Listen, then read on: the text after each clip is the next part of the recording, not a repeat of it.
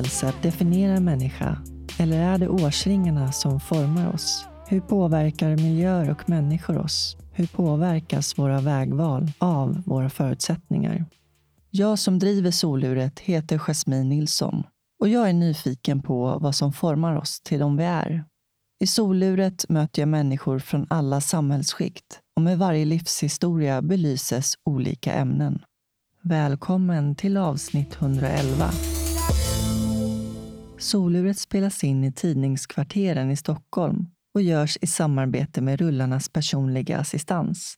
Avsnittet är sponsrat av T-Meeting som skapar tillgänglig telefoni och tillgängliga möten. Idag får ni möta Barakat Gebre Havariat. Barakat är entreprenören med kommunikation som kompass och demokrati som drivkraft. Han har lång erfarenhet av att arbeta med mångfald utifrån ett kommunikationsperspektiv och är författare till boken Får man säga svart? Här kommer Barakat. Jag är inte van vid att ha den här typen av poddar utan det brukar oftast vara politiska poddar. Så det är skönt att inte behöva uh, ha de förväntningarna mm. just idag faktiskt. Skönt, ja. vad bra att du känner så. Det ska bli intressant att se vad, vad som sägs. Ja, härligt. Mm. Jag vill bara dubbelkolla hur man uttalar ditt ja, efternamn. Ja, jag uppskattar det. Ja. Vill du testa först eller ska jag säga? Ja, säg. Men testa först, det kan bli lite kul. Du har min uh, licens. Jag måste se Du har min tillåtelse, du har samtycke. Spännande. Ja. Jag uppskattar att du frågar dock, det är långt från alla som Ja men sånt där är jätteviktigt tycker jag. Verkligen. Eh, Gebre Variat. Ja, det var inte, det var nära. Ja. Det är H1 bara, Gebre Havariat. Gebre Havariat. Gebre Havariat, ja, exakt, ja. jättebra. Sånt där är jätteviktigt för mig. Ja, det vara... men det uppskattar jag, det märks. och det jag... önskar jag att fler förstod vikten av. Eller hur? Ja, verkligen. Det, det handlar om respekt tycker jag. liten insats dessutom. Jag tycker verkligen det. Det är, ja, så du brukar alltid spela in det så är jag säker sen när jag Skitbra. spelar in min presentation det att det blir jag. Absolut. rätt. Tack. jag Bra uttalar ju mitt namn eh, Jasmin. Okay. Men många tror att det är, det är Jasmin. Ja, ja. Och eh, de flesta stavar fel. Men ibland stavas, man med, stavas det med Y va? och ibland med Y. Du stavar med Y va? Jag stavar med Y. Och med E, Jasmin. Eh, alltså. Utan E. Ja, det är utan E? Ja. ja så jag. Ja, så jag får alltid bokstavera oftast. Det är Jasmin, Jasmin Nilsson, eller hur? Ja, precis. Ja. Fint namn. Jasmin. Ja, tack så mycket. Ja, det är väldigt fint namn. Var kommer ditt namn ifrån? Barakat? Barakat, eh, det kommer från Barakat, vilket betyder god eller välsignelse. Mm. Godhet. Det är ju en jättefin betydelse. Det tycker jag verkligen. När man får möjlighet att så här, prata om namn så kan man verkligen få en chans att utbyta så här, berättelser. Precis. Sen har jag ett mellannamn som är Binyam, som Binyam. är mycket mer där de kallar mig hemma. Och förkortningen av det blir Bino. Det har du säkert okay. sett lite här och där. Så det är mitt mellannamn Bino. Men de flesta som känner mig kallar mig Bino. Okay. Eh, och Barakat är lite mer så government name. Ja, men precis. Mer.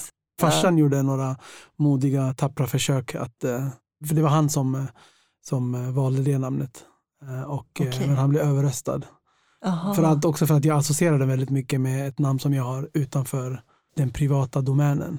Så, så fort någon lär känna mig på djupet då brukar jag alltid säga så här, du kan säga Bino. Alltså. Bino mm. Barakat är väldigt formellt. Jag förstår. Det är ingen som känner mig nära som kallar mig för Barakat. Mm. Det, det händer okay. inte faktiskt. Mm. Men då säger jag välkommen till soluret Bino. Tack så jättemycket, vad roligt att vara här. Nu är vi officiellt familj du och jag. Ja, precis. Du blir inte av med mig. Härligt. Hur mår du en dag som denna? Men jag mår rätt bra. Jag har sovit dåligt de senaste två, äh, senaste året egentligen, men speciellt de senaste två dagarna. Okay. Men det som är positivt med det, är att man är, kroppen är rätt lugn. Ja. Senaste året säger du, beror det på ja, någonting? Det har varit ett hektiskt år Mm. med boksläpp eh, och sen bara mycket privat, eh, mycket stress, mycket ångest Mm. Och Okej. eh, väldigt lite återhämtning. Så Ja. att, eh, jag har skrivit och pratat om det här rätt mycket tidigare men typ jag, att skriva kommer inte naturligt för mig. Så det är väldigt mycket prestationsångest kopplat till det. Eh, Och perfektionism, jag lider av en grav perfektionism. Så det, det har varit en, en ångestladdad process dessvärre att skriva. Så att det har satt sin prägel på hela året. Sen har jag typ hållit på med mina tänder så det har varit där, eh, infektioner och sånt där. Så Åh, nej, gud vad Ja, jobbigt. det har varit sånt där bisarrt år. För Ja. det är också att jag, jag ramlade på löpbandet och fick en revbensfraktur. Nej, Det har aj. verkligen varit så här äh, ackumulerat. Så, att, Okej, äh, jag fattar. så jag håller på, typ Så nu är det jag håller på att repa mig från ett så här, äh, intensivt, intressant men också ett så tufft år. Alltså det är där jag befinner mig just nu. Mm. Ja, jag har ju läst din bok eh, får man säga, Svart. Du har gjort det? Okej. Okay. Mm. Wow. Och eh, det är intressant att du säger det där med din perfektionism. Mm. För jag tycker att det genomsyrar också ditt skrivande. Det är väldigt viktigt för dig att eh, uttrycka dig rätt. Ja. ja. Ehm, och att du gärna vill eh, förklara dig mm. många gånger. Mm. Varför du uttrycker dig som du gör och så. Det. Men det tänker jag att det är ju viktigt med tanke på det ämnet som du lyfter ja. i boken. Alltså ord betyder enormt mycket. Verkligen. Um, Intressant att du, du såg det ja, mellan raderna. Du um, förklarar det också i boken varför du sätter vissa ord inom citationstecken ja, just till exempel. Det, precis. Jag har lagt väldigt mycket krut på att vara pedagogisk och mm. förklarande. Mm. Och som du säger, det här är ett getingbo också. Att navigera på ett sätt som är konstruktivt eh, men samtidigt också liksom, genuint autentiskt. Så ja. det, det har varit, eh, ja, jag har hållit på med det i sju år. Oj. Alltså då ska, det ska braskas, inte att jag jobbar med den varje dag sju år, men den har liksom legat och puttrat. Och sen senaste året när den blev klar, då, då var det intensivt skrivande. Mm. Jo men det känns som att det är ett gediget arbete. Tack. Därför att du eh, är väldigt noga också med dina källor. Ja. Eh, det, det, var på den punkt, ja. det var till den nivån att eh, redaktören var så här, ta det lugnt, det här är en populärvetenskaplig bok, det viktigaste är att du redovisar det längst bak. Just det. Hade jag fått som jag hade velat så hade den varit 600 sidor tjock ja. och då hade typ 12 personer läst den. Så jag är glad att förläggare och redaktörer och bokförlaget verkligen utmanade mig att skriva den på det här sättet. Det gläder mig att många har hört av sig och sagt att eh, den är tillgänglig. Och så. Precis, det blir lättare att ta till sig ja. informationen. Jag hoppas det, det gör mig väldigt glad att höra. Det var verkligen målet. Men mm. en stor shoutout till, till förlaget och min redaktör. Ja. De, de, har verkligen pressat mig att göra det, utmanat mig, ett bättre ord. Otroligt eh, viktig bok som jag tycker att eh, alla måste läsa. Jag kommer läsa den en gång till känner jag. Tack. Du är verkligen en ehm, citatmaskin. Är det? ja, jag, jag kom på mig själv att anteckna jättemånga citat, känner jag, nu måste jag lugna ner mig. Det, det, det, jag har aldrig blivit kallad för citatmaskin, så det, ja. det tar jag med mig. Ja, men just för att det är så otroligt mycket, ja det är många insiktsfulla formuleringar. Mm, tack. Och man märker också att eh, det bygger mycket på egen erfarenhet mm. och att du skriver med hjärtat. Att det är mycket som är självupplevt också. Precis. Och eh, det tror jag, det ger ju en annan tyngd i mm. det du skriver. Exakt. Men det, är den, det är den grejen jag tror mm. det, blir, det blir också då, jag har också känt mig mer exponerad mm. där. Eh, och eh, försökt hitta en balansgång mellan att berätta om saker som har hänt mig men också väva ihop det med forskning och teori. Där också redaktören som Lave Motariaton som ska ha en stor eloge som verkligen utmanade mig att våga vara personlig. Jo men verkligen. Jag försöker ha ett levande förhållningssätt till ord och begrepp och alltid ha en öppenhet för att det här kan förändras eh, och det är någonting som bestäms socialt. Vi bestämmer det tillsammans. Vi kommer aldrig ha 100% i konsensus. Det är nog väldigt svårt. Det är inte ens säkert att det är eh, någonting som vi ska försöka uppnå. Så att eh, jag utgår ifrån att den här boken kommer att behövas upp, den kommer behöva uppdateras. Troligtvis. Vi ska ha en förståelse för språket som levande och aktivt en grej jag jobbar på inför 2024 är också att ha fel oftare. Eller åtminstone våga exponera mig för sammanhang där jag kan ha fel. Mm. Och lämna min, min trygghetszon. Eh, så det är en grej som jag försöker tänka på. Då, då kommer man ha fel oftare.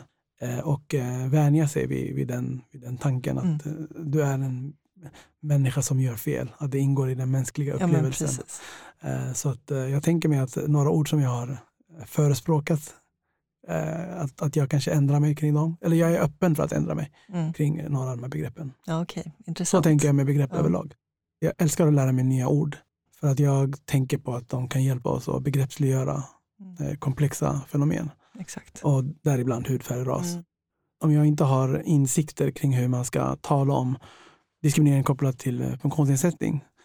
Jag vet att det kommer minska sannolikheten för mig att jag engagerar mig i de frågorna. Det, det tycker jag liksom är ett, eh, det är en del av demokratiuppdraget mm. och att vara en bra samhällsmedborgare. Och jag vill lära mig, jag vill förstå mer. Mm. Eh, så att i nästa bok så kan jag mycket friare mm. Eh, prata om det och säga så här, ah, det här är också ett problem. Jag har inte de erfarenheterna men många andra har det. Så tänker ja. jag. Och det är också viktigt att prata om varför det är viktigt. Funktionsnedsättning, funktionsvariation, handikappade och så vidare. Och vad är det för skillnad och varför är det viktigt att ja, använda rätt ord? Ja. Vad gör det med mottagaren? Precis. Så bra, och, så viktigt. Ja, det är ju det och ibland så är det nästan som man bagatelliserar begreppen. Verkligen. ja vad är det man ska säga nu? Jag vet Ja, inte jag vad som håller är med. rätt just Ja, nu. Liksom. med. Det är alltid någon som blir kränkt. Ja, exakt, la. Att man exakt. liksom skämtar om det. Mm. Det finns liksom så här, en hånfull ton i det. Precis. Jag, jag håller med och det, det är faktiskt en inställning som stör mig väldigt mycket och jag tänker också att det är en inställning som är den är inte bra för, för dig om du vill utvecklas och förändras och lära dig nya saker. Den är, det är som en vägg. Eh, så att eh, jag försöker akta mig för att bli en sån. Eh, och jag, jag vill inte bli en sån, jag vill lära mig nya saker. Men också som du sa, så om man verkligen ska dra ner det till på markplan så handlar det om respekt. Ja, Det handlar precis. verkligen om så här, hur tar mottagaren det här? Och mottagaren är inte en generisk figur, mottagaren är, det är en heterogen massa människor och de kommer tycka olika. Och det är det jag försöker också förmedla, att det här är rekommendationer eller principiella käpphästar. De är inte, de är inte vattentäta som alltid kommer funka. Det kommer all, du, kommer, du kommer alltid kunna hitta någon som säger jag hatar det där ordet, jag vill inte bli kallad för svart. Du kommer Nej. alltid kunna hitta den personen. Eh, och då är jag väldigt noggrann med att säga att eh, det här är för att vi ska kunna prata om diskriminering på gruppnivå så behöver vi eh, adekvata termer. Ja, Att kunna konceptualisera orättvisor kopplat till hudfärg. That's it. Så jag hoppas att eh, den här boken, jag har kallat den ibland för ett antirasistiskt GPS, jag hoppas att den kan vara eh, en, en liten kompass och en liten Mm. kompis. Typ. Att du kan bläddra lite i den och tänka så här, Precis. okej, för jag är mer fokuserad på resonemang snarare än enskilda ord. Ja, Jag hoppas att jag förmedlar det, att så här, det är intressant där hur vi resonerar kring när vi ska använda, hur, varför. mm, Precis som du sa, att verkligen förklara varför det där är viktigt. Ja. Jag fick ju bakläxa på det hela tiden eftersom man blir lätt eh, den här fisken i vattnet. För mig är det som självklart att det är viktigt. Så eh, min redaktör och mina förläggare var så här, vad är ditt varför? Ja. Förklara tydligt. Så jag, bara, så här, jag blev nästan irriterad. Ja. Men sen insåg jag att det här är, det är såklart viktigt att stanna upp i sitt eget varför. För det, det är inte alla som förstår. Nej, precis. Det är inte lika självklart Det är för inte andra lika som det är för dig. Jag är helt marinerad i det här. Mm. Så, så för mig är det så här, det vore jättekonstigt om vi inte adresserar hudfärg i sammanhang när vi ska prata om diskriminering. Mm. För mig är det, här, det är en no-brainer. Men eh, så det har också varit en stor, eh, en viktig övning för mig när jag skrev boken. Att hela tiden tänka utifrån en, en presumtiv läsare. Eh, och inte bli liksom hemmablind. Nej. Så det var någonting som, eh, det var jag skulle säga en av de stora lärdomarna jag fick med mig. För jag kommer i grunden från akademin och där, där är det inte lika stor fokus på läsaren. Eh, Man har eh, ganska tydliga förväntningar på, stora förväntningar på läsaren. Det här ska, ska man förstå. Så att skriva populärvetenskapligt, alltså det är en helt annan varelse. Ja. Så jag är väldigt glad över att jag har gjort det innan jag började brottas med en doktorsavhandling så småningom. Så det känns kul att få ha gjort det och sen återvända till akademin på något sätt. Så det, det har alltid varit mitt mål att få komma ut och röra sig i en icke-akademisk publik. Just det. Så det, det känner jag har varit en, en, stor, en stor vinst för mig personligen.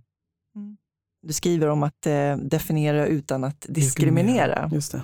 Eh, jag Jag har är ju... faktiskt stolt över faktiskt. Ja, jag det är. Tack. Jättebra formulering. Tack En av många citat som jag har Jag önskar att du antecknat. kunde se nu hur jag skiner upp som en sol här och beter mig som en så här 11-åring Ja. som har fått så här, äh, godis från morsan Ja. eller något. Men, men tack. Då tänkte jag på det här, för jag har ju vänner som är blinda. Mhm. Och eh, när jag började arbeta inom inkludering och göra det tillgängligt för alla, Ja. eh, oavsett vilket medie man arbetar med. Så jag har fått lära mig jättemycket av Mm. Min kompis Anna Bergholtz, heter hon. Ja, jag vet vem det. Vi brukar Ja. snacka på LinkedIn. Ja, vad kul. Ja, ja, hon är grym och gör ett väldigt bra, viktigt arbete. Otroligt En shoutout till Anna. Verkligen. Men då undrar jag, hur skulle du syntolka dig själv? Syntolka mig själv. Ja, Jag vet inte hur man syntolkar. Det är verkligen inte Nej. en arena där jag är stark, men för jag tänkte just på det där att definiera utan att diskriminera. just det. Och då tyckte jag att det var svårt det här med hur man ska syntolka då etnicitet Ja, och någon som bryter hudfärg. mot eh, normen. Och då tänker jag, hur går dina tankar kring det? Nu blir jag jättenyfiken. Ja, men eller hade- hur? Vi kan ju kanske göra det tillsammans. Jag identifierar mig som svart eh, Ja. huvudsakligen. Jag skulle i, nog säga det. Ja, Ehm, exakt. Om det skulle- behöver sägas givetvis. Men Precis. för att jag är inte säker på att min hudfärg har relevans för berättelsen. Mm. Om det har det så tycker jag absolut att man ska säga. Och det, nu, alltså, du leder in mig på ett jättespännande fält som jag aldrig riktigt tänkt på. För det är ju samma sak med funktionsnedsättning. Ja, exakt. Är det viktigt att säga? är det viktigt att säga och om Mm. det är det, det är helt, egentligen skulle jag säga att man kan koka ner min bok, äh, budskapet i boken till det här. Mm. Det är att det Exakt. finns scenarion där det faktiskt är viktigt.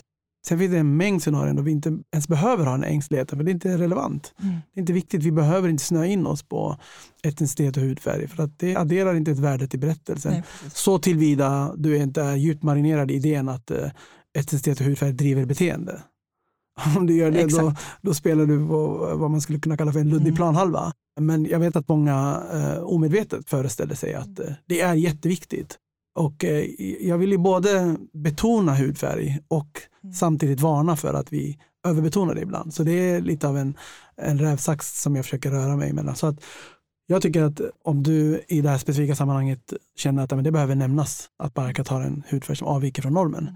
då är det bara att säga svart. Antar jag, för jag är inte helt bevandrad i hur man... Jag vet att jag brukade, när man började prata mer om det för typ tio år sedan, eller någonting, Mm. då brukade jag ibland syntolka mina inlägg. Ja. Men det var lite alltså på känsla. Ja. Jag tittade hur andra gjorde och sånt. Och sen jobbade jag med UR någon gång och där fick vi lite, en liten genomgång kring det. Mm. Jag skriver väldigt målande många gånger. Så i Ja. början då överdrev jag syntolkningen jättemycket. Alltså jag verkligen ja. in på detaljer, du vet. Ja, man kan säga han Förstår är lång, snygg, karismatisk. Vad vet Ja, jag. Men eh, jag tror också överlag att när det kommer till så adjektiv, så här, beskrivande egenskaper, Mm. där, där tror jag att man kan vara mycket mer kreativ kring Ja. eh, vilka saker man vill synliggöra. Mm. Jag, om inte annat så tycker jag vi ska träna på att förstå att det inte alltid eh, just den aspekten är, är viktig. Nej men precis. Det, det finns situationer där det är livsviktigt, när vi ska Ja. prata om hatbrott till exempel, så kan vi inte låta bli att Nej. prata om ras och hudfärg. Men däremot så kan man ju beskriva människor på mängder av sätt. Jag, jag tänker mig att man upplever nog inte att det här är ett lika stort problem när det kommer till vita personer. Ja, på Mm. grund av att man tillhör normen och så vidare. Så det, man kan ju ha det lite grann som ett lackmustest kanske och fundera över hur hade jag resonerat om personen vore vit. Jag är ju nyfiken på vart du kommer ifrån Mm. och eh, vad som har format dig till den du är. Men du föddes den 9 oktober 1981. Ja, exakt. So they say. Ja. Vad föddes du in i för familj? Gud, alltså, det grejen jag är en, verkligen i en process där jag tänker väldigt mycket på familjekonstellation och, eh, och tänker väldigt mycket på så här, varför är jag som jag är. Och så. Jag är verkligen inne på så här, varför-frågor just nu. Så att, eh, jag är mitt inne i den interna processen. Eh, jag skulle säga att jag föddes in i en familj. Eh, det är jag, två äldre bröder, en mor och en far. En, ska säga, ganska typisk här, mm, alltså, vanlig familj typ. Eh, svårt att svara på det där den frågan, för jag, min hjärna jobbar just nu. Mm. Jag är den yngsta och så har jag två äldre bröder. Den ena bor i USA, den äldsta han har bott där sedan 99, han är amerikansk medborgare. Okej. Bor där med sin familj. Och sen Ja. har jag en mellanbror som bor i Solna. eh, Och eh, två föräldrar som är pensionärer.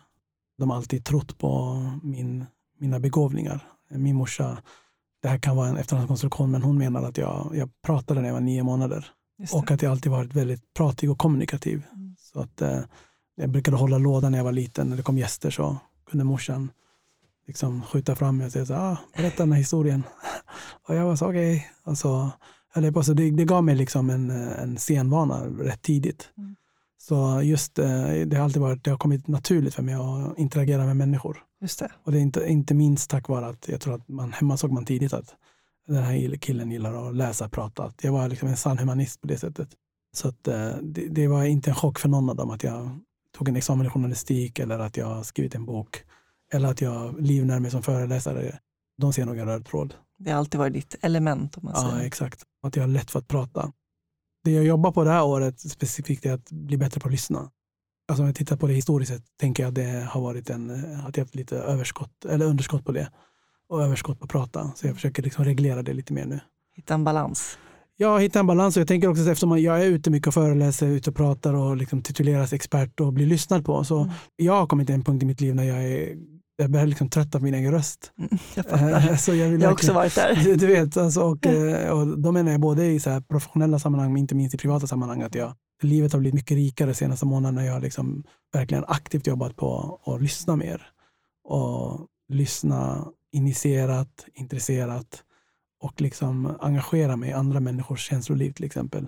Det, så, jag tror att det har varit en, en liten brist hos mig Okej. historiskt sett. Så att jag har jobbat mycket med det tillsammans med en terapeut och så vidare. Så, fattar. är, det, är, så, så att det är något som intresserar mig väldigt mycket. Ja. Just att, det har jag sagt till mig själv det här året att jag ska, jag ska lyssna mer och ställa mer frågor.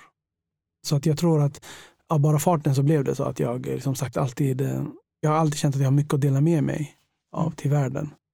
Eh, Fint. Ja, Mm. och eh, jag växte upp i en, en, en familj där eh, man var intresserad av vad jag hade att säga. Ja, du fick ett smeknamn. exakt, Le Fluffy, vilket är babblaren.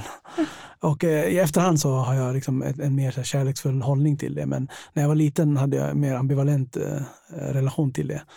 Men det, det sades oftast eh, skämtsamt, liksom. han, är en, han är en babblare. Mm. Eh, och det var alltid eh, ofta med ett leende. Så att, eh, men det var verkligen så att eh, det var som sagt inte alls en chock för någon i familjen liksom, att jag är där jag är i livet idag. Mm.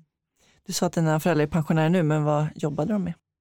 Min mamma var lokalvårdare, min pappa jobbade som är paketsorterare på posten. Mm. Många, många år innan jobbade han eh, i olika cargo-skepp okay. eh, runt om i världen. Så han har ju besökt varenda, han har verkligen varit i varenda hamn. Häftigt. Ja, det, det är rätt coolt alltså. Ja. Eh, det är få länder han inte har besökt faktiskt. När jag var barn brukade jag romantisera honom som en sjöman. Såklart. Så I åldern har jag förstått att det var, det var ju såklart inte så glamoröst. Men när man pratar med honom så är han, han, han är verkligen så, ah, jag har varit i Japan, jag har varit där och han har snappat upp så här, kulturella uttryck och språk lite från överallt. Så att han, är, han är verkligen här, i bokstavlig bemärkelse världsvan. Mm. Så, att, eh, så det, det är lite coolt. Det gjorde visserligen att eh, jag inte lärde känna honom förrän jag var fyra, fem kanske. Jag tror att jag var runt fyra eller fem första gången jag träffade honom. Eh, så att, han var ute till sjöss, skickade pengar till familjen. Alltså, vi är från Etiopien i grunden och då var det ett blodigt inbördeskrig så han, han gjorde vad han kunde för att få ut sin familj. Mm. Så att det var ju otroligt jobbigt för honom också att vara ifrån sin, sina barn och sin, och sin fru. Eh, så att eh, det är någonting jag håller på att utforska lite mer nu. Mm. Jag försöker förstå lite djupare. Okay. Hur var det för honom? Hur var det för morsan? Och försöka öppna upp sådana dialoger mer och mer. Jag tror att det är viktigt ja, att få liksom, förståelse för deras bakgrund och historia och ja, liksom, vad som har format dem också. Ja, exakt. Precis. Jag tror att det, här, första steget är den här klassiska medelklasskonflikten. Det är mm. morsans fel, det är farsans fel.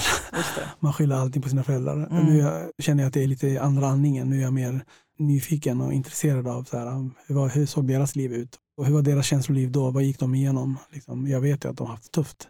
Så jag, jag börjar bli mer, jag vandrar den stigen just nu. Okay. Jag börjar bli mer intresserad av att och försöka förstå deras bakgrund och mm. deras familjekonstellationer. Och jag vet väldigt lite om min pappa till exempel.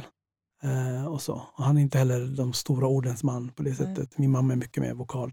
Ja, nästan poetisk sätt att berätta. Hon är, kan berätta historier. Medan farsan är mycket mer så här, ganska lakonisk. Han är så här, mm. Hur var det det här, det här? Då han så här, jo, det var 1974. Så han bara, jag åkte till Frankrike, sen åkte jag de tog mig passkontrollen och så åkte jag i fängelset. Så satt jag i fängelse en vecka i Italien. Man är så här, bro. Massa spännande jag var, anekdoter. Jag var så här, stanna, stanna här. Jag var, det här är så här, traumaskapande händelser. Vi behöver prata om det. Eh, så, att, eh, så att det finns mycket att förstå. Ja, jag tror ju mycket på att man ärver också sina föräldrars trauman. Ja, ja, verkligen. Det finns i DNA. Ja, det finns ju vissa alltså, forskare som pratar så här, intergenerationell trauma och sånt. Så absolut, och jag, jag tror att um, som jag är oftast upptagen, jag jobbar väldigt mycket. Så i år har jag också försökt uh, tänka på att uh, reglera ner det lite grann så att jag kan ha tid för att uh, förstå saker och förstå mig själv och så. Jag vet också att det är en ynnest att kunna göra det. Så att, och då vill jag verkligen använda det till någonting gott. Mm. Du beskriver i boken att eh, det var viktigt att ni barn skulle lära er att ta plats. Precis. Att ni skulle ha en social rörlighet. Verkligen. Alltså, det har alltid varit viktigt för henne att vi, ja, att vi tar plats och att vi liksom aldrig känner oss eh, underlägsna någon och att vi, eh, att vi är med på lika villkor. Hon låg bakom många fritidsaktiviteter som jag gick på. Då hon sa, ah, jag har läst att det finns en grej som heter Verdandi, du ska gå på det. Jag bara, okej. Okay. Ja, det typ så här, min väninna sa att kyrkan har någon grej tors, tisdagar och torsdagar, du ska gå på det. Jag bara okej. Okay. Så att, eh, och jag växte också upp i en tid när det fanns ett verkligen så aktivt och levande civilsamhälle. Så det var, jag, var ju, jag var ju aldrig hemma. Varje dag var det aktiviteter. Det var liksom biblioteket, det var kyrkan, det var Verdandi, det var Unga Örnar, det var scouterna, det var fotboll. Så det var så här, jag har haft mycket energi. Vad som hände var att jag tidigt också lärde mig att fråga mig för, vilket var väldigt välgörande för mig, vilket gjorde att jag verkligen fick uppleva. Jag åkte liksom på Barnens ö. Det var en av väldigt få i, i, min, i mitt område som gjorde det. Och jag kom hem oftast med idéer. Och då var det så ah, det här, det här, klart det var en pengafråga ibland, men oftast var det så här, ja, men det här är en bra idé, det är klart du ska åka på det. Så att, mm. Eh, jag fick med mig det hemifrån väldigt tidigt. Mm. Så det var rätt kul. Jag åkte på kollo några gånger så jag tyckte det var riktigt kul. Skönt att komma iväg på somrarna. Få göra Verkligen. nya saker och bada och allt det där. Ja, men precis. Men eh, jag tänkte på det, du började spela fotboll också i Brommapojkarna. Mm. Jag har förstått det som att det var en helt ny värld för dig. Ja, precis. Det var en helt ny värld för mig och jag var en helt ny värld för dem. Det är det som är det intressanta i det här på grund av segregationen och stereotyper och fördomar och, och rasism såklart. Så att, eh, och jag spelade fotboll eh, först i en lokal klubb och jag gjorde det länge tills det var någon tränare som hade sett mig och de sa att du borde komma och spela i Brommapojkarna. Så. Och min mamma tyckte också att det var en bra idé, mina föräldrar tyckte det var en bra idé och att så här, det är bra att du får komma ut lite. Uh, och på den tiden, eller det, det är säkert fortfarande som Brommapojkarna har ju Sveriges bästa ungdomsverksamhet. Jag antar att de fortfarande har det. Jag är inte uppdaterad, det var 30 år sedan.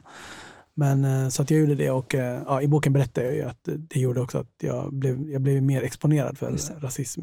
Det var första gången det blev påtagligt för dig? Jag skulle säga det. Med, med, alltså, kombinationen min ålder och att det var en sån extremt vit medelklassmiljö som jag rörde mig i. Det, liksom, det blev olyckligt där. Men också det gav mig liksom insikt kring att eh, jag faktiskt bor i en kropp som har politiska konnotationer.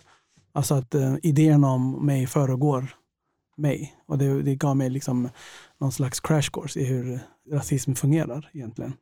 Kan du ge något exempel på hur rasismen kunde ta sig uttryck?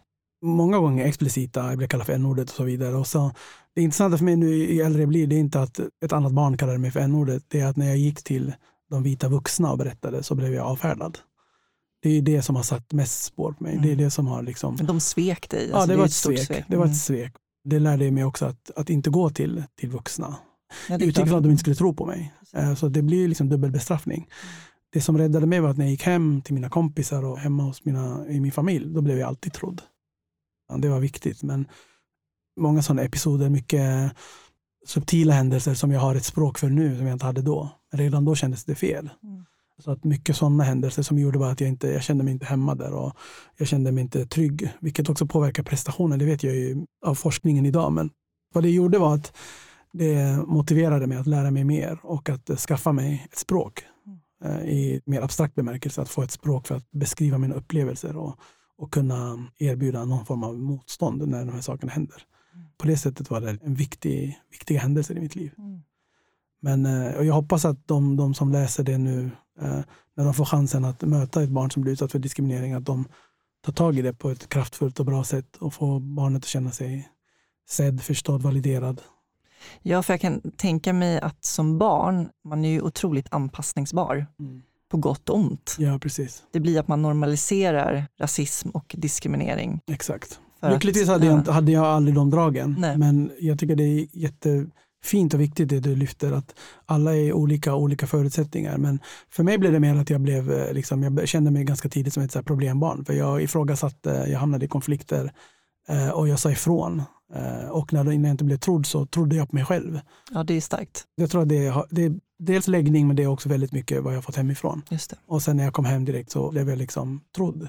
Det betyder inte att mina föräldrar inte också undersökte hur jag betedde mig. Det var väldigt liksom, viktigt för dem att jag mm. betedde mig på ett bra sätt. Och, och så. Men när det kom till de här frågorna så var de så här, blev liksom mött på det sätt man behöver bli mött. Ja, men precis. Eh, och så så för mig blev det mer att jag, jag trivdes inte på träningen. Jag slutade ganska snart. Liksom, och jag avancerade aldrig för att jag, jag trivdes inte, jag kände mig inte hemma. Så att jag, jag ville bara tillbaka och spela med mina kompisar även om de spelade i en klubb som var mindre välorganiserad. Så var det det jag ville för att det var inte roligt. Nej, det är klart. Vad gjorde det med din identitet? Jag tror att det var nog första gången jag kände att min identitet blev eh, ifrågasatt. Eh, men också att jag visste att, det var, att jag hade en identitet som människor hade åsikter om, starka åsikter.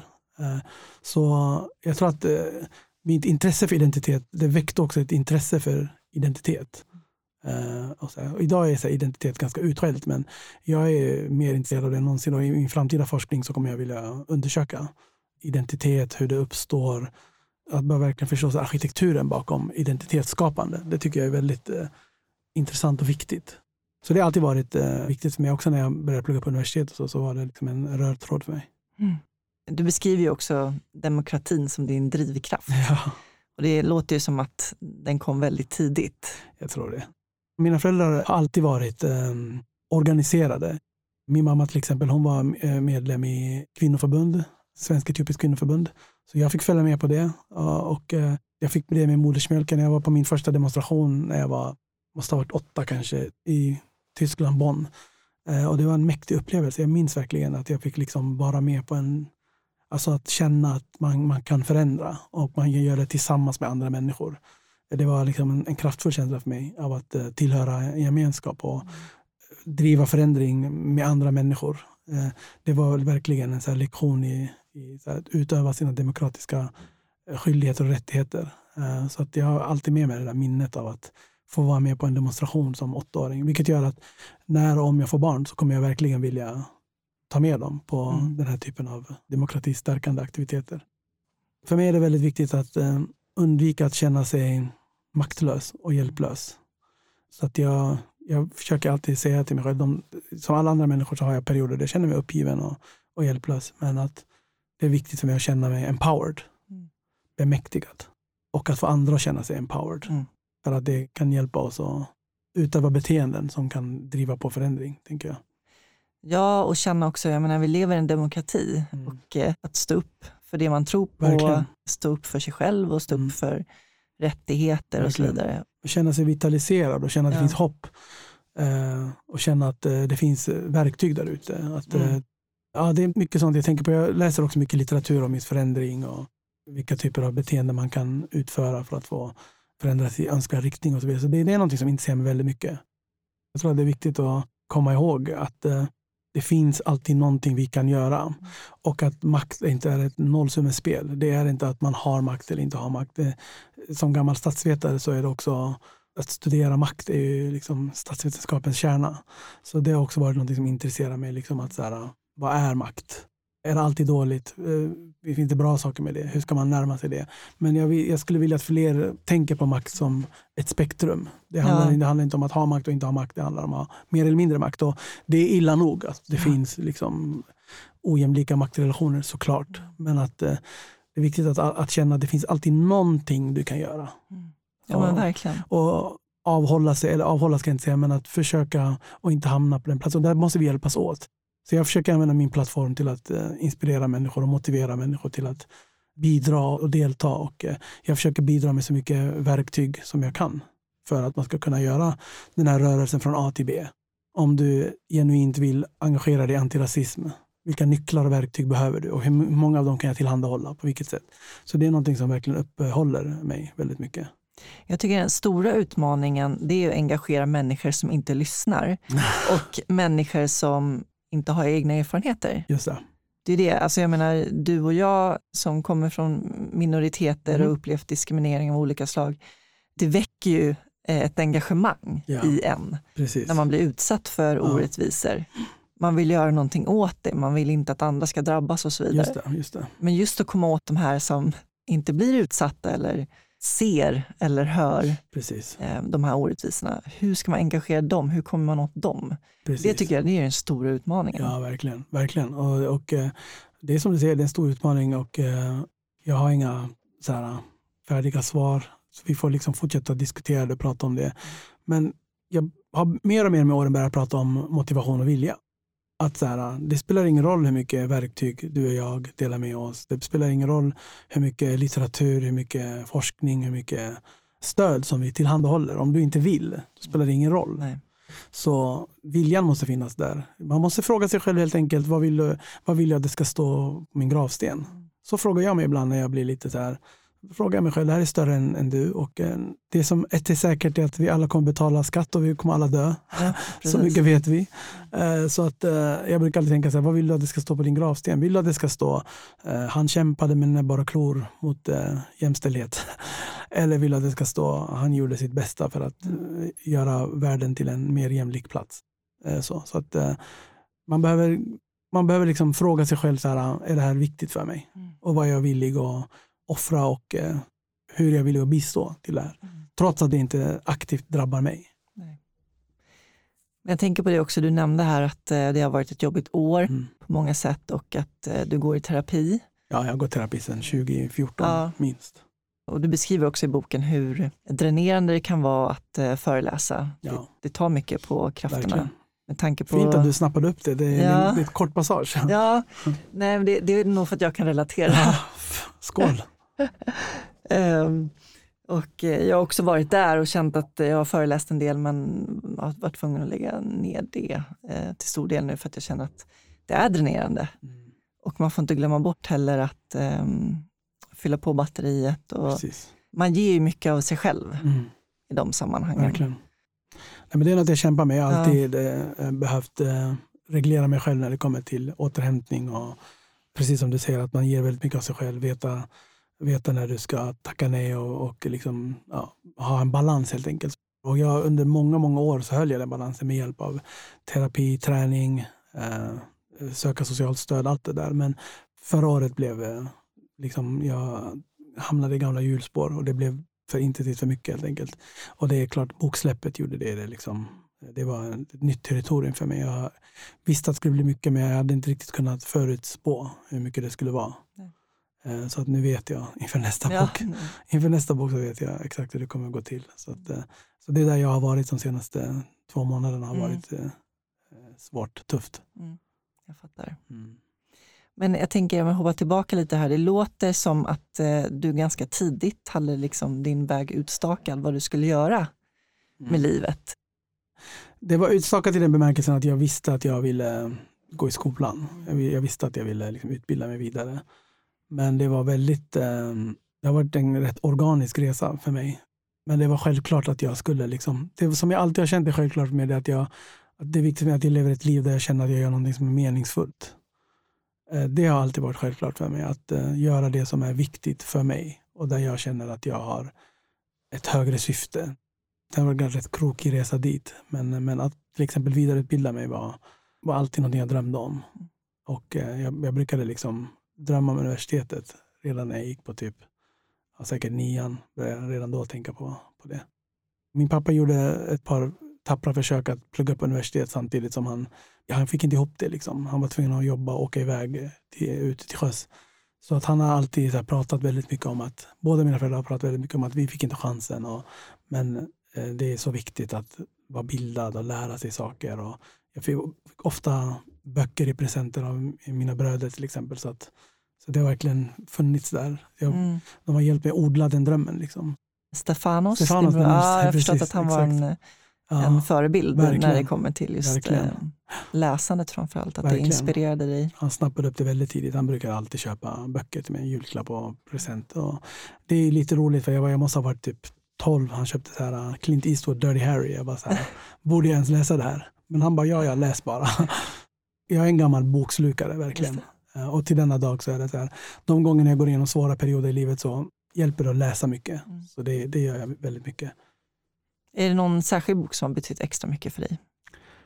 Alltså grejen är den, jag läser väldigt mycket facklitteratur. Mm. Så det är många böcker som har betytt mycket för mig. Uh, just nu läser jag en bok, uh, vad heter den på svenska, Förhållanden som funkar, den handlar om anknytningsteori. Okay. Attached heter den. Och sen läser jag en bok som heter The Science of Trust. En jättetjock forskningsbok om typ så här, uh, tillit. Det är de böckerna jag håller på att gräva i. Sen läser jag en bok som heter Därför gör kärlek ont av sociologen Eva Illouz. Så jag läser mycket sånt. Mm. Eh, men historiskt sett, alltså, Frans Fanon, Svart hud, vita masker har varit väldigt viktig för mig. Många böcker som Bell Hooks har skrivit har varit viktiga. Mm. Eh, Sarah Ahmeds bok Att leva feministiskt är viktig för mig. Ja, men jag, gillar, eh, jag gillar mycket teori. Mm. tycker jag är kul. Men jag vill bli bättre. Jag, tidigare läste jag väldigt mycket skönlitteratur och det, jag försöker hitta tillbaka till, till det också. Man behöver kombinera det. Det kan inte bara vara tung facklitteratur hela tiden. Hur är det för dig? Vad läser du? För mig har det inte blivit så mycket mer utöver de böcker som jag läser i samband med att uh, göra research. Okej, okay. men det är, uh, det, när man har ett ändamål så är det ännu ja, lättare att läsa faktiskt. Exakt. Ja, det är sant, det stämmer. Så att, ja, men jag är mycket för, jag tycker om självbiografier och biografier, mm. för jag är så intresserad av människors livshistorier. Mm. Ja, det är så, häftigt. Så det tycker jag om, det uppskattar jag. En annan bok som har betytt mycket för mig är Gummitarsan, det var när jag var liten. Jag läste okay. den 13 gånger tror jag. Det var någon slags inofficiellt rekord tror jag. Jag bara lämnade tillbaka det och lånade om. Typ. Så jag, bara, jag var helt galen i gummitarsan. Vad gick du för gymnasium? Jag gick på Spånga gymnasium. Okay. Ja, Vad var det för linje? Sam, sam alltså. Det var väldigt icke-spektakulärt. På vår tid var det också, fanns inte så mycket val egentligen. Nej, jag nu är det, det skitspännande. Nej, det var natur, samhälle ja, och eh, media, för jag gick media. Ja, men det, till och med det, jag tror inte vi hade det. Vi hade bara sam, sam, sam, samekonomi, ja. natur och sen typ estet. Typ. Just det.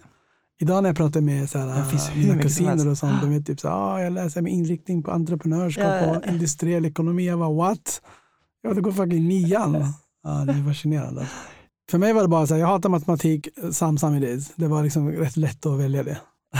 ja, för mig var det nog, jag visste nog ganska tidigt att det var just media som jag vill ägna mig åt. Men den finns inte kvar längre tror jag. Ja, just det, men du gick den? Ja, medieprogrammet på Riddarfärsskolan. Så du visste att så här, journalistik och media Ja, var, det var din grej? Liksom. Jag skrev dagbok väldigt tidigt. Jag märkte att jag hade en fallenhet för det, att uttrycka mig i skrift. Vad fint. Egentligen skulle jag bli dansare, men så råkade jag ut för min olycka. Ja, just det. Så då var jag ju tvungen att tänka om. Men Okej. då var just pennan ett just det. viktigt verktyg för mig istället. Då hade du den som eh, alltså en snabb pivot? Ja, typ. men precis. Först så var det jättesvårt att tänka om, men sen Såklart. eh, när man funderade lite mer kring vad man tyckte om att göra så Ja. var det ganska enkelt val.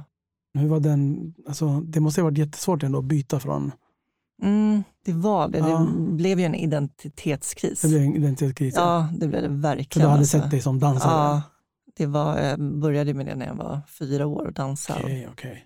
Och sen blev liksom kärleken för det eh, bara större och större. Jag visste att det var, det var jag skulle ägna mitt liv åt. Mm. Så det vart ju en enorm identitetskris. Alltså, det första jag sa när de berättade för mig att jag aldrig mer kommer kunna gå var att om jag aldrig mer kommer kunna dansa kan jag lika gärna dö. Wow. Så det säger ganska mycket. Eh, Vad det var inte så här att kunna gå eller liksom, alltså de här praktiska bitarna som det innebär. Det var liksom det första som... Ja, det var liksom just dansen. Hur, vem är verkligen. jag då? Ja, liksom. ja. Så det var... Hur länge hade den här identitetskrisen då? Oj, det var... Alltså det kändes ju som en evighet tror jag i början för att det var ju, jag ville ju inte leva många gånger Mm, Jag förstår. den första tiden. Just för att jag inte såg en framtid, Mm.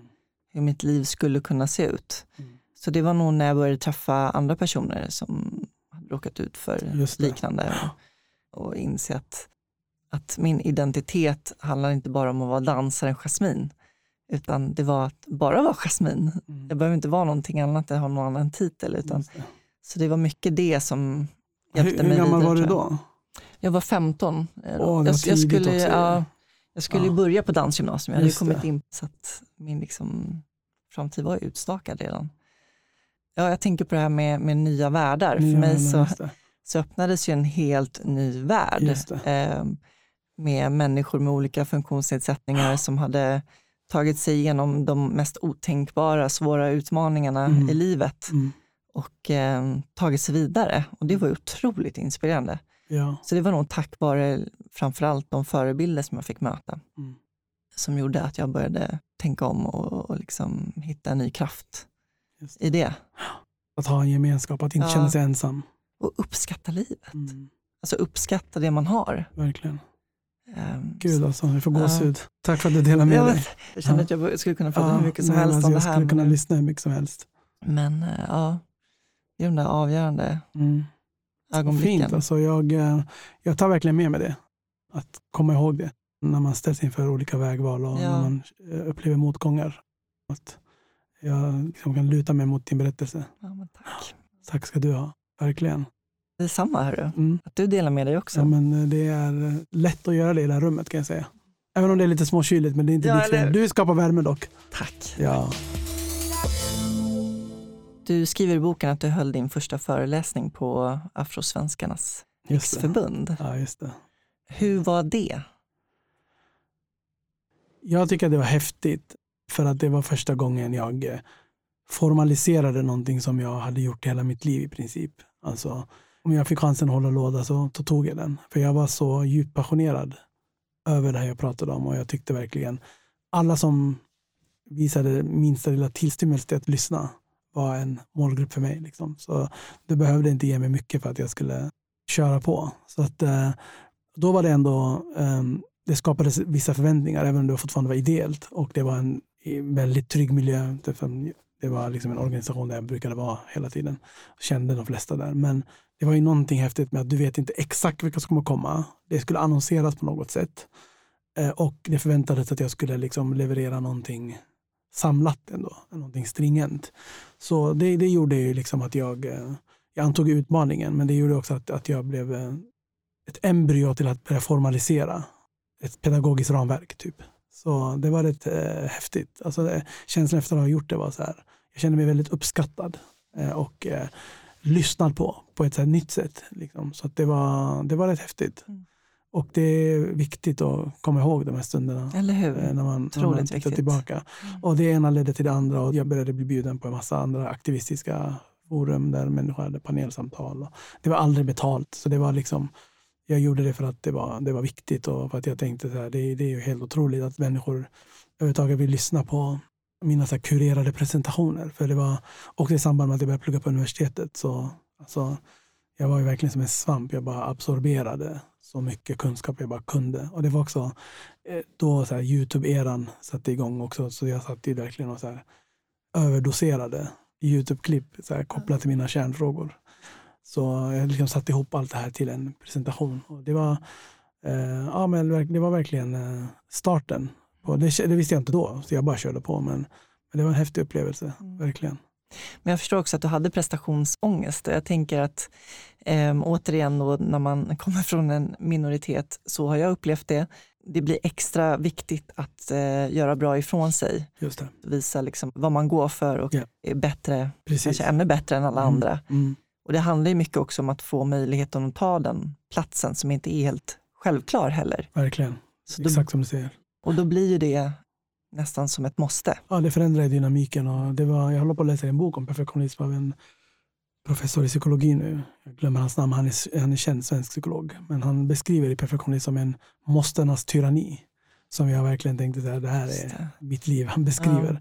Ja. Eh, så vad som händer är såklart, dynamiken förändras ju när jag börjar föreläsa jag, eh, i vita rum, i institutioner, myndigheter och jag börjar få betalt för det. Så förändras ju dynamiken givetvis. I de här första sakerna som är på Afrosvenska riksförbund och sånt, det, det, där känner jag inte alls eh, eh, den typen av prestationskrav eh, eller eh, jag känner mig aldrig ifrågasatt eller något. Men det är klart när det, när det blir, alltså nu ska vi faktiskt betala dig. för det, då börjar det de här tankarna eh, smyga på sig, eh, givetvis. Men det är viktigt, jag är glad att du tar upp det. Och, och såklart, jag lever med dem än idag, men ju mer medveten jag är och ju mer jag synliggör dem. Och det som du sa tycker jag var, eh, jag blev så glad att du nämnde det, men just det här att känna att man har gemenskap. Att man pratar om jobbiga saker tillsammans med andra som har liknande erfarenheter. Det är väldigt stärkande. Ja. Eh, jag tycker man ska vara väldigt försiktig så att man aldrig känner sig ensam. Mm. Ensamhet, den behöver inte vara faktisk, det är en känsla. Ibland kan du känna dig ensam trots att du är i i tvåsamhet eller i, i sammanhang. Så att eh, idag det är viktigt för mig att prata om de här upplevelserna. Att eh, berätta att eh, jag går igenom de här sakerna och eh, hjälpa folk eh, att få ett språk för det. För det var så för mig, det var många upplevelser jag hade när jag var barn och jag var yngre. Som jag hade inget riktigt språk för det. Så det hjälpte mig otroligt mycket att få, få begrepp, få termer. Mm. Men också så här, när jag ibland får höra någon som jag följer eller ser upp till berätta att livet inte är perfekt och att de går igenom svåra saker så mm. känner man sig mindre ensam givetvis. Och det, jag vill gärna bidra till, till den känslan för andra människor också. Men absolut, de där känslorna finns ju där. Minoritetsstress och prestationsångest och imposter syndrom. Alla de här sakerna. De har ju verkligen gjort sig eh, påminda under ja. bokskrivandet för min del och alla framträdanden jag haft. Ja, ja, det förstår jag verkligen. Och det är farligt för det kan ju leda till eh, utbrändhet såklart. Verkligen, och det gav mig tillgång till många minnen. Jag berättade om mina lärare som, som hade antytt eller sagt rakt ut att ja, det här med svenska språket, du kan aldrig få mer än godkänd och så vidare. Det sätter griller i ens huvud. Liksom. Det blir liksom, eh, det lagras i kroppen och, och, eh, jag märkte det jättemycket när jag skrev boken att jag var väldigt brydd om att det får inte bli fel. Det ironiska är att jag korrläste i korrläsaren och hittade sju fel.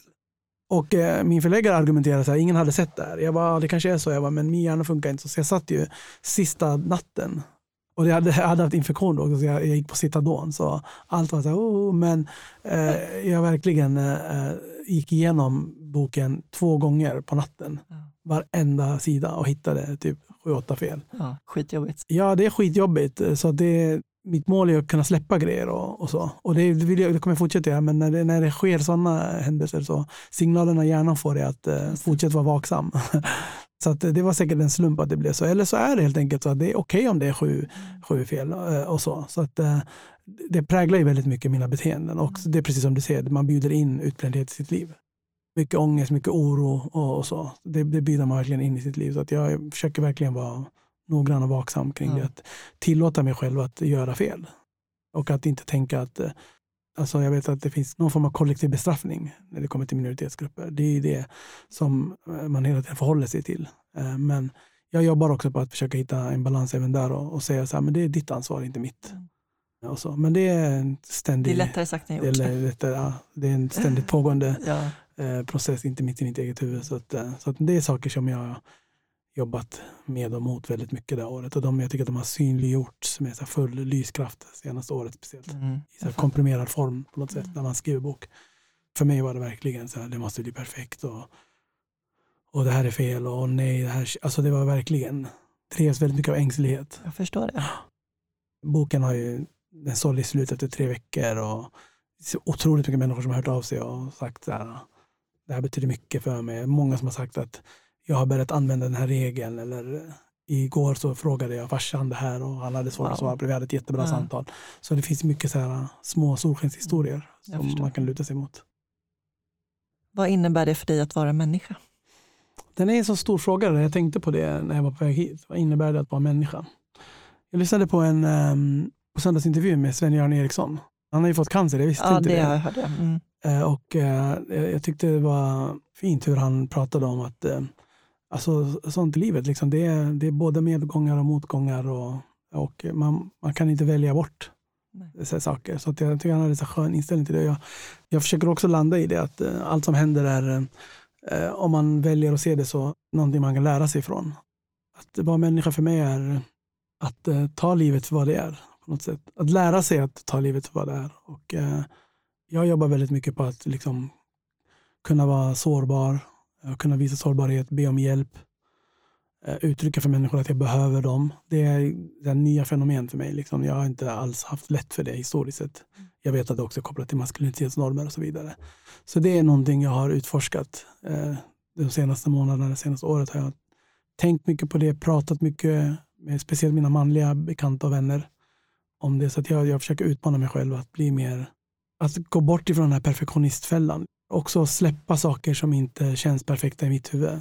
Eh, Så det tränar jag väldigt mycket på. Mm. På sistone så har jag typ gjort en del så livestreams på Instagram som där jag inte haft någon så tydlig, tydlig tanke på varför jag gör det utan jag har bara gjort det spontant och inte tänkt så mycket. Så. Så jag försöker utmana mig själv i sådana saker. Att Mm. eh, ha en sån approach till livet som är där jag ska frigöra mig från måstenas tyranni bland annat. Ja, jag fattar. så jag, jag jobbar mycket på det. eh, De sakerna, liksom att eh, öppna upp mig mer och vara mer eh, söka liksom intimitet och närhet och liksom inte vara så rädd för att vara sårbar. När känner du dig sårbar? När känner jag mig sårbar? Ja, alltså jag gör nog det rätt ofta. Det är bara att jag eh, tar på mig den här masken. Liksom. Och det är den masken jag försöker ta av oftare och mer. Eh, och vara öppen med vad jag går igenom. Jag har verkligen försökt att, det här året som har varit, har varit ett tufft år. När jag har haft det tufft så har jag kanske ringt en kompis och sagt kan jag komma hem till dig och skriva. Eller ringt till min brorsa och sagt jag kommer med datorn dit. Det har hjälpt. Liksom. Eh, Så sådana saker som jag, jag försöker bli bättre på. Och de gångerna när jag känner mig sårbar, att Mm. liksom stanna i känslan och inte fly. Utan att verkligen orka vara i den och namnge känslan. Och det har varit lite av ett så revolutionerande år för mig när det kommer till att namnge känslor. Du nämnde maskulinitet. Kan det Mm. vara en, Ja, en stor del i det hela? Herregud, ja, det är en väldigt stor del av det. Och det är definitivt någonting jag eh, vill utforska ännu mer eh, och förstå. För att, eh, jag tror att det var typ förra året jag kunde börja säga jag känner sorg. Jag visste inte ens om hur man namngav den känslan tidigare. Jag visste inte ens nödvändigtvis liksom hur den kändes i kroppen. Så när jag är hos min terapeut, det är klassiskt att eh, hon säger, vad känner du? Och jag går in i så intellektuella resonemang. Ja, jag bara, jag vet inte vad jag känner. Jag bara, det är din "Nej." försvarsmekanism. Jag bara, nu, ja, precis. Det är en form, det är en strategi liksom, Mm. som jag undermedvetet använt väldigt länge. Där jag förklarar teorier och tankar som jag har. Men hon är så här, men vad känner du? Jag bara, I don't know. Men nu har jag blivit mycket bättre på det. Nu Ja. kan jag verkligen säga, och eh, konversationerna jag har blir mycket rakare. Mm. Blir mycket mer, eh, de blir mänskligare apropå att bli människa. Alltså att bli människa för mig är också att eh, vara i sina känslor. Att inte så här, man ska inte diskriminera känslor. Alla, de här, alla känslorna finns där och de, de, de hjälper oss. Eh, det var någon forskare som beskrev de känslor som ett så här internt navigationssystem. Typ. Eh, de ger oss information om hur vi mår eh, och så. Det är så viktigt att namnge dem. Och jag vill verkligen liksom bli bättre på det. Tror du på ett liv efter detta? Nej, jag tror, alltså, jag har aldrig lagt så stor tankekraft på det. Jag minns att jag skrev i, jag minns att jag skrev på någon eh, uppsats när jag gick i start sjuan eller åttan. Jag skrev någonting i stil med uh, jag är intresserad av livet. Vad, så här, eh, vad döden har att erbjuda gör mig inte det minsta vetgirig. Något sånt. Och det, det tyckte min svensklärare var så här, bra. Uh, jag minns att jag redan då kände så här, jag är inte så säker på att jag bryr mig så mycket om vad som händer efter. Jag tror att risken om du börjar tänka på att det finns liv efter döden är att du, du börjar liksom slappa i det här livet. Jag har ett liv här. Hur länge det håller på, när det, när det vänder, det vet vi inte.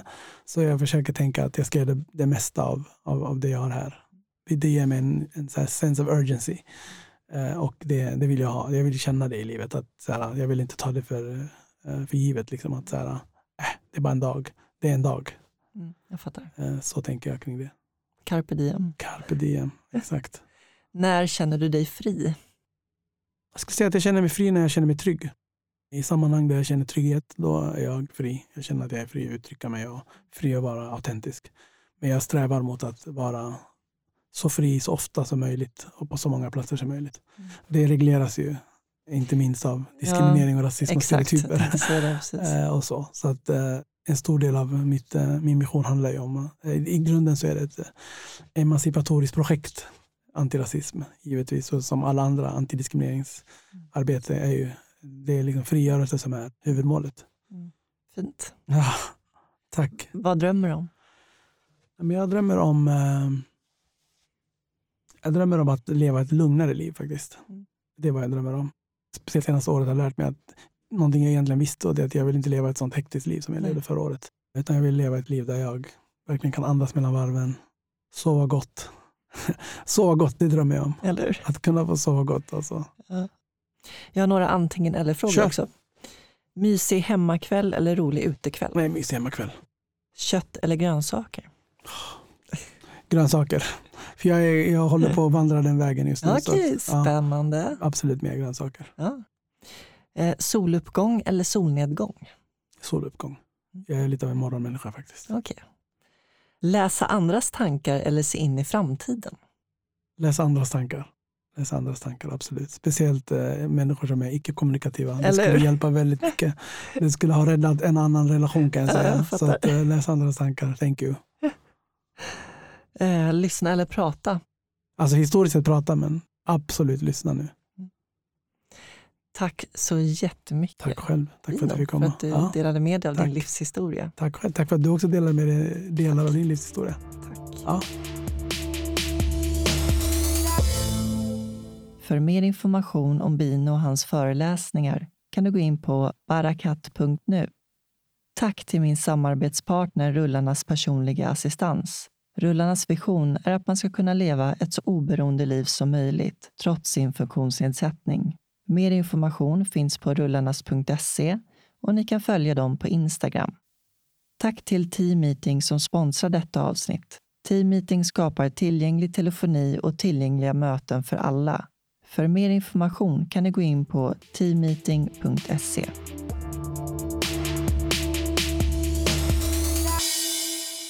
I nästa avsnitt får ni möta Meis Sylvan. Meis växte upp i Palestina där vardagen präglades av ockupation och där leken räddade henne när situationen kändes som svårast. Nu är hon biträdande generaldirektör på Clowner utan gränser och ansvarig för deras internationella verksamhet. Tack för att ni lyssnade och ta hand om varandra där ute. Puss och kram. Hej då.